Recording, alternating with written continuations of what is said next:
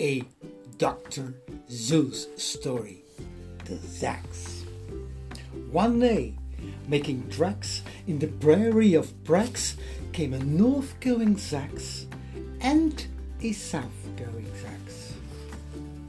And it happened that both of them came to a place where they bumped. There they stood, foot to foot, face to face. Look here now, the north going Zax said. I say, you are blocking my path. You are right in my way. I'm a north going Zax and I always go north. Get out of my way now and let me go forth. Who is in whose ways? snapped the south going Zax. I always go south, making south going tracks.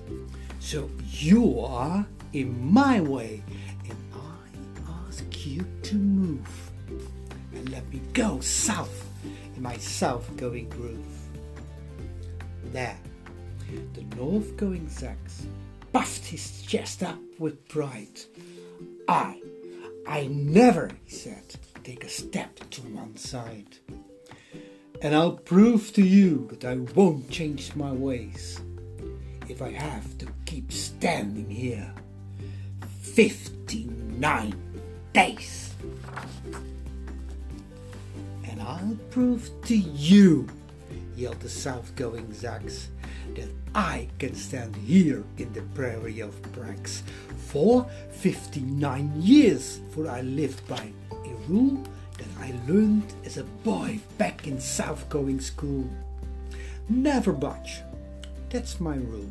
Never budge in the least. Not an inch to the west and not an inch to the east. I'll stay here, not budging. And I can and I will if it makes you and me and the whole world stand still. Well, of course, the world didn't stand still. The world grew. In a couple of years, the new highway came through, and they built it right over those two stubborn Zax and left them there, standing, unbudged in their.